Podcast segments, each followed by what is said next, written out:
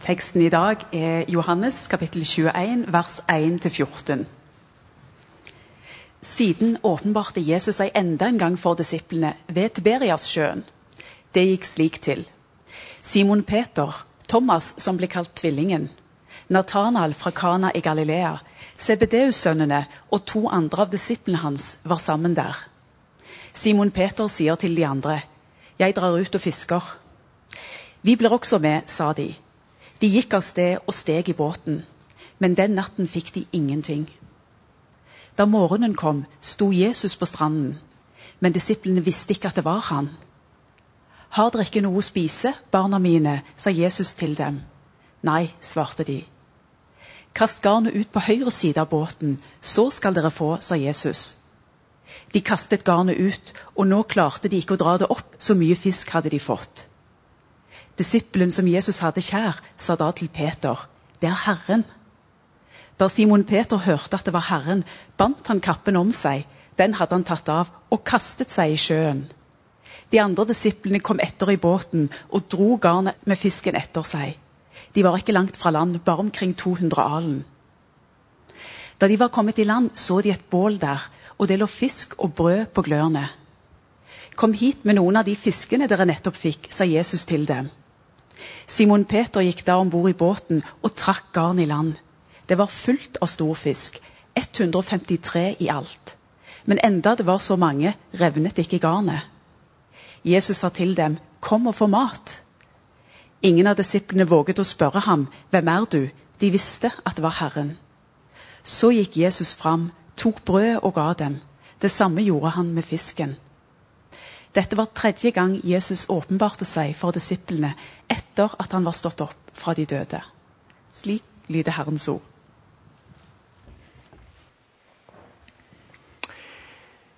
Det sies at uh, det fins tusen måter å si 'jeg elsker deg' på. Her er noen eksempler. Jeg savner deg. Vær forsiktig. Ha en god kveld. Jeg tenkte akkurat på deg. Det står mat klar i ovnen. Si fra når du kommer hjem, da. Ta med deg en paraply. Vil du ha en kopp med kaffe? Jeg tror eh, spesielt de av dere som kommer fra denne kanten av landet, kan eh, kjenne seg litt igjen i det at det vokser litt i munnen når en skal si 'jeg elsker deg'. Til og med til den man eh, elsker aller mest. Hvis man har en ektefelle eller en kjæreste, eller sånt, så er det jo gjerne sånn at man bruker sånne ord. Men, men, så kan man kanskje kjenne at det blir litt forpliktende, eller det blir litt store ord. Og nå er ikke jeg så sikker på at det vi er vitne til mellom Peter og Jesus her, egentlig er en lek med ord. For der er nok Eh, der er, eh, der er, man litt uenig når man liksom skal tolke disse greske variantene. og sånn. Er det sånn at Peter demper ordene når han svarer tilbake? Når Jesus spør 'Elsker du meg, Peter?', så står det i oversettelsen 'Ja, jeg har deg kjær'.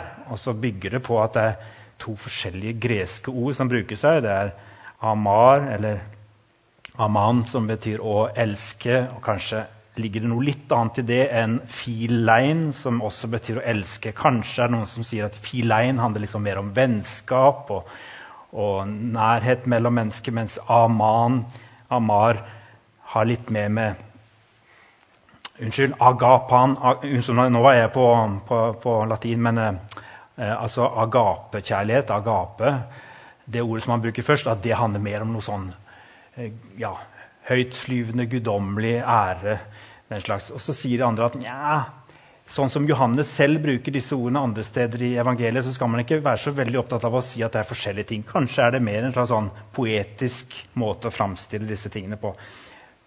Men jeg er ganske sikker på at Peter kjenner seg litt brydd i denne samtalen mellom Jesus og, og han. Fordi at Jesus må gjenta spørsmålet tre ganger, og han svarer, og så sier han 'du vet alt'.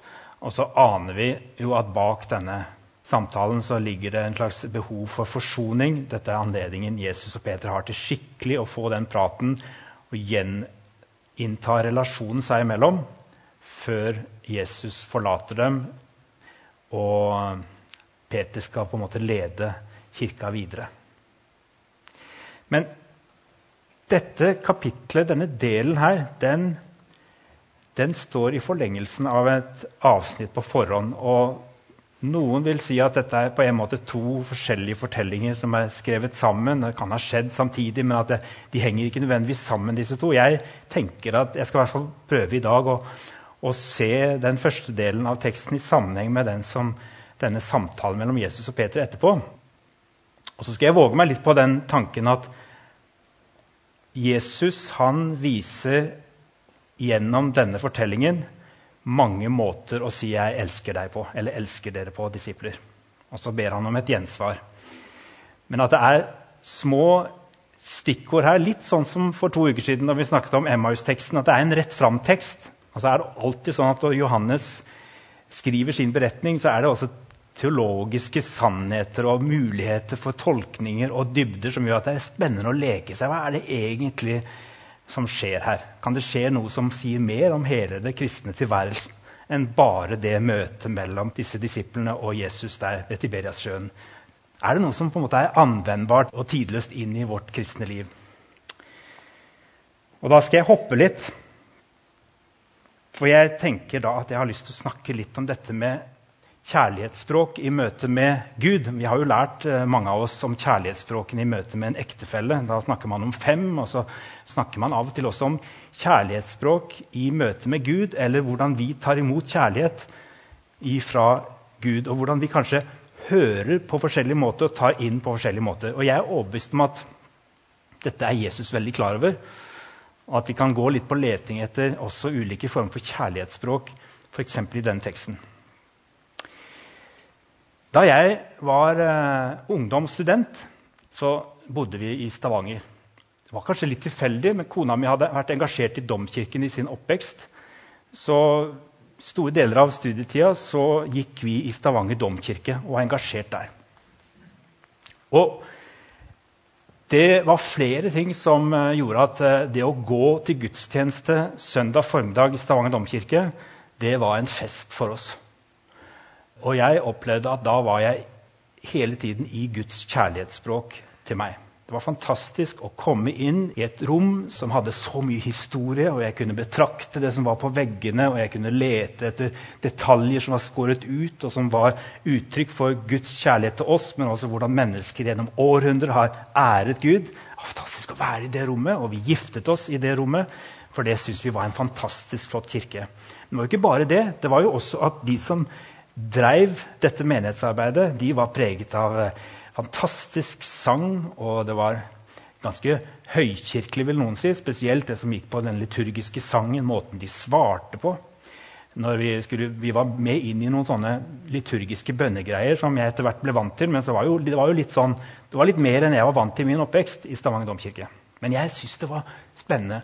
Det som jeg kanskje gjorde at jeg gikk tilbake hver eneste søndag og satte pris på å være der, det skal jeg innrømme, først som sist, var fordi at på den tiden så var Stavanger domkirke kjent for å være det stedet som hadde de beste forkynnerne.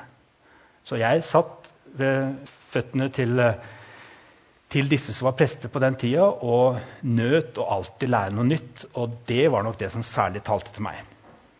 De var ganske kunnskapsrike, og de visste å skru sammen ordene på en god måte, sånn at jeg alltid følte at jeg fikk noe både til tanken og til hjertet. Men det var helheten som gjorde at det å være til gudstjeneste det var å oppleve seg elsket av Gud og få lov til å gi sitt tilsvar i en spesiell form. Men det ble nå liksom den formen vi var vant til. Hele den beskrivelsen som jeg har gitt nå av den måten vi feirer gudstjeneste på i Stavanger domkirke, den kan man analysere. altså kan man finne flere kjærlighetsspråk eller trosspråk i den. For eksempel, så var det opplagt at det handla veldig mye om å sanse og se rundt seg. At det, det hjalp meg å ta inn et fantastisk ytre rom som stemte meg til lovsang og til hellighet. Og så handlet det om det vakre, skjønnheten. Noen som på en måte gjorde det å være i Guds nærvær til noe skjønt for alle mine sanser. Det handlet selvfølgelig også om å gå fram til nattvær og få å drikke skikkelig vin. Det var kanskje uten alkohol, jeg husker ikke, men det var i hvert fall ikke druejus. Jeg smakte på den. Ja. Og så handlet det om liturgien, som nok var ganske gammelmodig av og til, og som fokuserte på et kjærlighetsspråk som en del mennesker er opptatt av i møte med Gud, og det er at vi skal få hjelp til å huske og minnes det som har skjedd, gjennom symboler og gjennom det som er ytre bilder og tegn, og vi tar det inn gjennom sansene våre.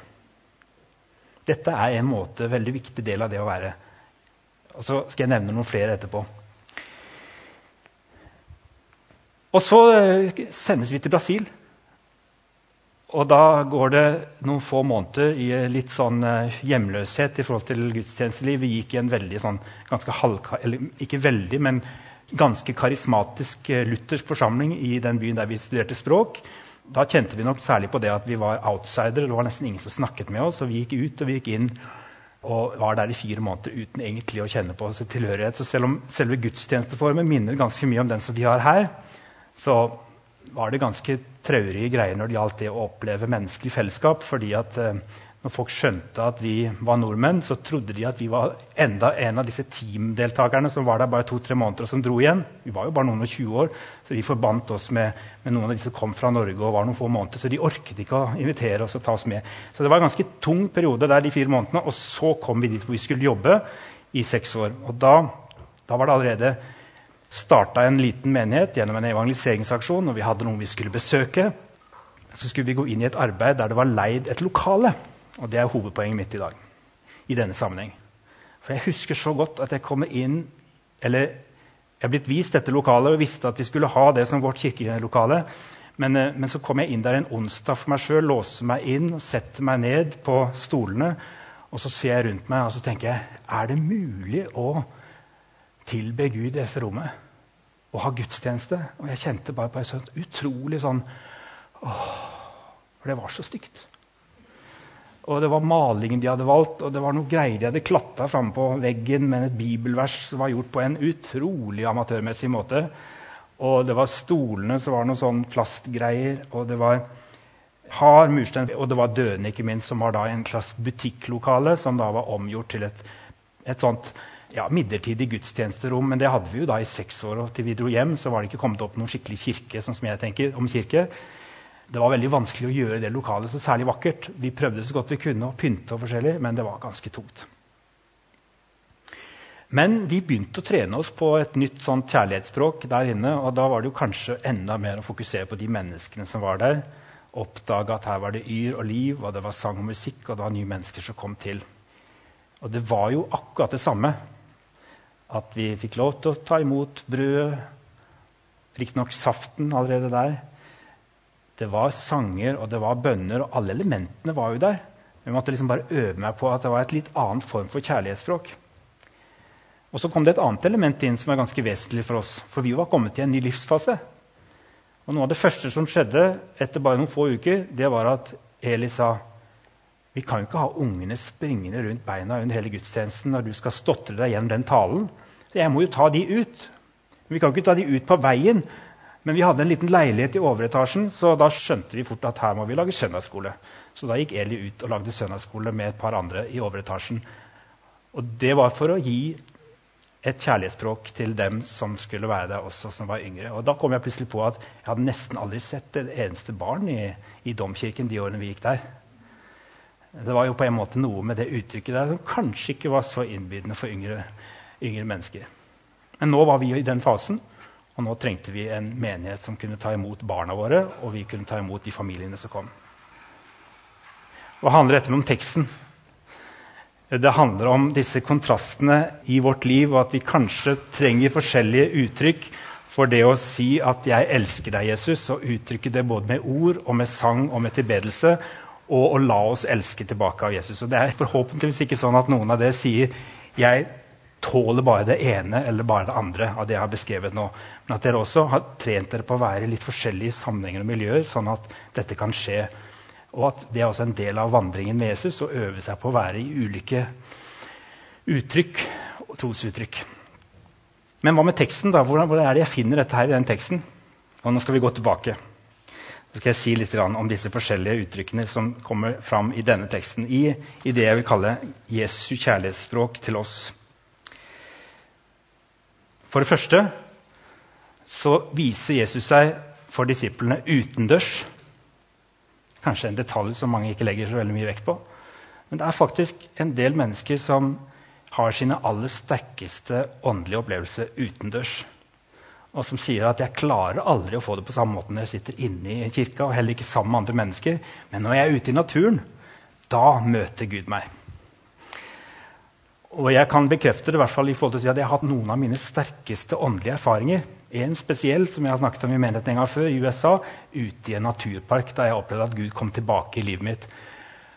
At jeg kjente dette, jeg klarer ikke å, å, benekte dette lenger. Det må være Gud. For jeg så noe i det ytre rom som var så overveldende at jeg kjente at dette må bare, mitt tilsvar må være bønn og tilbedelse. Noen mennesker har det sånn at det å gå i naturen det er der de på en særlig måte opplever Guds tilstedeværelse. Og så kvalifiseres det av at det er ikke Gud bare i det store universet, men at det er relasjonen til Jesus. Ja da, vi tar med oss det også. At det handler jo ikke bare om å være der, men faktisk å møte Jesus, og at han er er noe helt spesielt og kvalifiseres på en spesiell måte i Bibelen. Men det å kjenne seg elsket der ute i naturen Er det noen av dere som kjenner dere igjen i det? Og Det handler om dette med at vi sanser og tar inn Gud gjennom sanseapparatet vårt. Og så er det en annen måte å sanse på også enn bare å være ute i naturen. og det er jo på en måte gjennom, gjennom at det skjer ting som vi kan erfare og ta på og nesten oppleve som Guds inngripen i vår virkelighet. Altså At det overnaturlige griper inn i vår virkelighet. Og vi kan se tilbake på en slags åndelig manifestasjon som vi tar inn gjennom sanseapparatet vårt. Og Det er det som skjer når Jesus ber disiplene om å, å, være med på at en hverdagslig opplevelse blir til et under. Og Når de kaster ut garn på den andre siden og de drar inn fisk Og jeg er helt sikker på at flere av disse disiplene de kjente seg elsket i det øyeblikket. Gud er på dette stedet! De ble fylt av ærefrykt, men de ble også bekreftet i sin lengsel etter Gud. Dette kan vi ikke benekte. Dette er Gud. Noen av dere savner sånne erfaringer og lengter etter de erfaringene. Og så kommer det noen sånne kloke mennesker og sier jo, men dere skal ikke leve troen deres på basert på denne typen under og tegn. Det er ikke sånn at det som skjer i de ytre rom, er avgjørende for at Jesus døde og sto opp igjen fra de døde, og at han lever her og nå. Du må klare å tro uten å ha disse bekreftelsene i under og tegn. det som skjer ute. Og det er på en måte sant, og det trenger sanserne å høre. Men det er også sant at Jesus noen ganger møter sanserne akkurat der de trenger det. Gjennom bekreftelser på hans kjærlighet i form av under og tegn og det som skjer her og nå i det ytre rom. Og så responderer Peter med et trosspråk. Et kjærlighetsspråk som er ganske typisk for eh, det som jeg vil kalle entusiasten. For mens de andre står der og hører Jesus rope til dem og er litt sånn i tvil om hva som har skjedd, så hopper han ut i sjøen og svømmer inn, og han feirer opplevelsen, feirer erfaringen, og gjør akkurat det som en typisk sånn entusiastisk kristen gjør. Og noen av oss sier ta, ro deg litt ned. Må det gjøres på den måten? Kan ikke vi bare ro inn til land og ta dette i ordnede former? Peter han bare hopper ut, ut av båten og ut av rammene som en kanskje kunne forvente. Han, han er halvveis naken, tar på seg klærne, hopper ut i sjøen og svømmer inn. Noen av dere kjenner dere godt igjen i akkurat den måten. dere bare kjenner at Hvis dere skal uttrykke deres kjærlighet, så må det være for meg en sånn, sånn, sånn sprø, spontan handling. Og så kommer de inn, da. Og så, liksom, så tar Jesus de fra den store, fantastiske handlingen der ute til noe som er så utrolig hverdagslig og enkelt, og som jeg vil påstå minner mye mer om en kjedelig liturgi i Den norske kirke. På en gudstjeneste der alt er forutsigbart, og rammene er klare, og ingenting er spesielt overraskende. Kom og få mat. Sett dere ned rundt bålet. Kom med denne fisken. Og så gjør han en symbolsk handling som både bekrefter at han bryr seg om dem, bryr seg om deres hverdagslige behov, som er å ta inn både åndelig føde og fysisk føde. Men så er det også en symbolhandling. Husker dere at dette gjør vi til minne om at jeg døde og sto opp igjen? Husk at når dere gjør dette nå, gang på gang på gang, akkurat på denne måten her, så er det den liturgien dere skal, den handlingen dere skal gjøre for å minnes min kjærlighet til dere på korset og min oppstandelse. Jeg kan ikke alltid stå rundt og lage veldig sterke sanselige erfaringer for dere, men dette kan dere gjøre. Enkelt og greit. Samles rundt bålet. Og spise og drikke.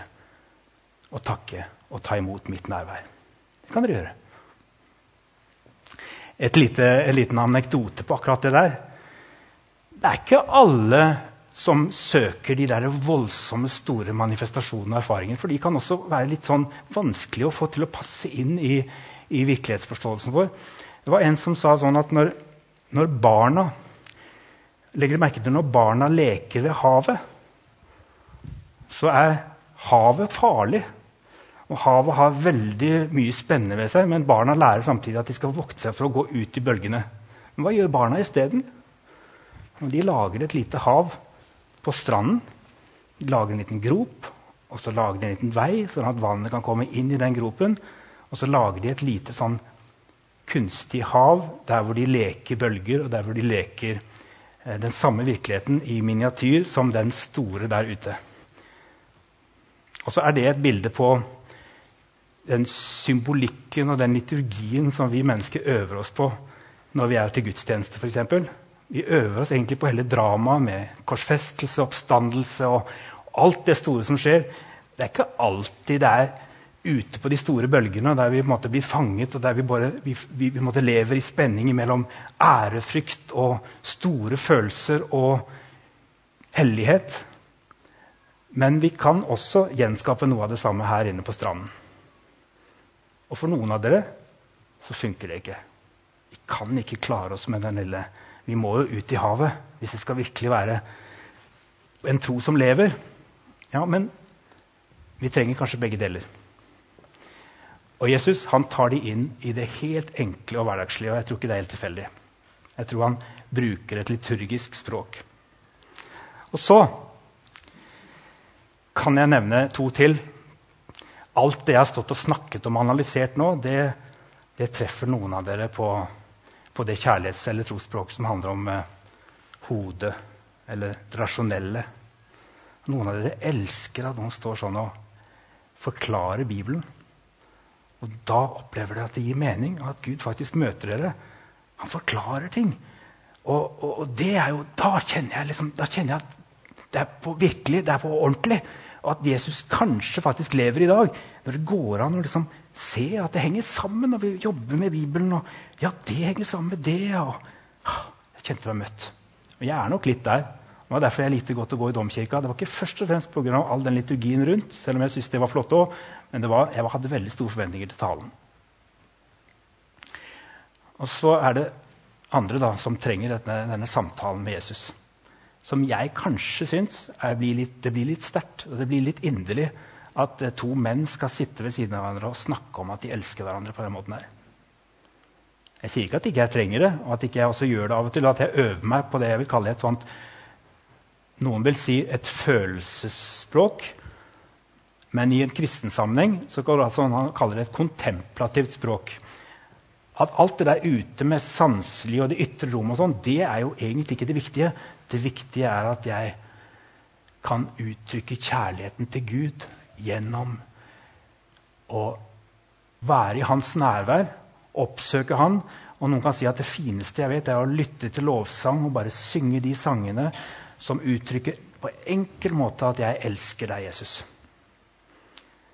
Å få hjelp til å gjenopprette relasjonen til Jesus gjennom ord på den måten, eller bare gjennom å lytte og sanse noe som er godt. Men da er vi ikke så mye i det sanselige, men mer i det emosjonelle og i det å på en måte lytte innover for å finne Jesus Kristus i det. Alt handler om en Gud som møter oss gjennom Bibelen og gjennom en korsfestet og oppstanden Jesus Kristus. Men jeg tror samtidig at det handler om et, et spekter av ulike kjærlighetsspråk og uttrykk. Og så avsluttes det med aktivisten som eh, får lov til å si nå skal du få gi uttrykk for din kjærlighet til meg, Peter, ved å fø mine lam. Og Det er ikke noe brudd her. Det er en kontinuitet. Nå er relasjonen mellom de to gjenopprettet, og autoriteten til Jesus i Peters liv er gjenopprettet. Så det er ikke noen tvil om at det aller viktigste i hans liv er at Jesus er herre og frelser. Det ligger i bånn. Hvordan Peter skal uttrykke den kjærligheten videre, ja, det er fint å si 'du vet at jeg har deg kjær'. Men det Jesus egentlig ber om, det er 'gå før mine lam'. Elsk alle disse som har kommet i garnet, alle disse menneskene som kommer inn i menigheten. For det er gjennom det jeg særlig vil bli elsket av deg. Og så har han plutselig gitt gjennom en fortelling ved Tiberiassjøen et spekter av måter å elske på og bli elsket på. Hva er ditt uh, kjærlighetsspråk i møte med Jesus? Syns du det er godt å, å bruke store ord i lovsangen, og ord som kanskje er andre vil si er ganske platte og enkle? Eller trives du best med poesien og det litt storslåtte?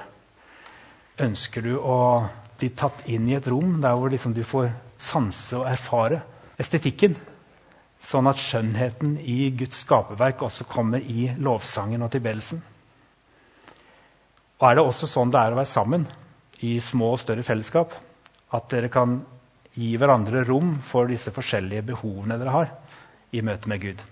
Det drømmer jeg om. Og så tror jeg noen vil være skuffa av å gå i bymenigheten, og som kanskje hele tiden vil referere til at det hadde vært mye flottere hvis vi hadde for hatt mer av domkirken. Og så er det ikke sikkert vi kan oppfylle alle de behovene. Kanskje er ikke det det viktigste heller. Men uh, igjen vær litt respektfulle overfor hverandre på hva det er vi trenger. Og Johannes han skal synge en sang for oss nå. Den er skrevet av Solveig Leithaug, og den er skrevet rett inn i, i, denne teksten. Hvor det handler om å tørre å si 'jeg elsker deg'. Og Så kan jo dere si ja, jeg skal synge det nå, selv om vi kan være litt redde for sterke ord. Og så kan dere spørre dere selv hvordan skal jeg elske Jesus på den måten som han ber meg om å gjøre nå, med den personen jeg er?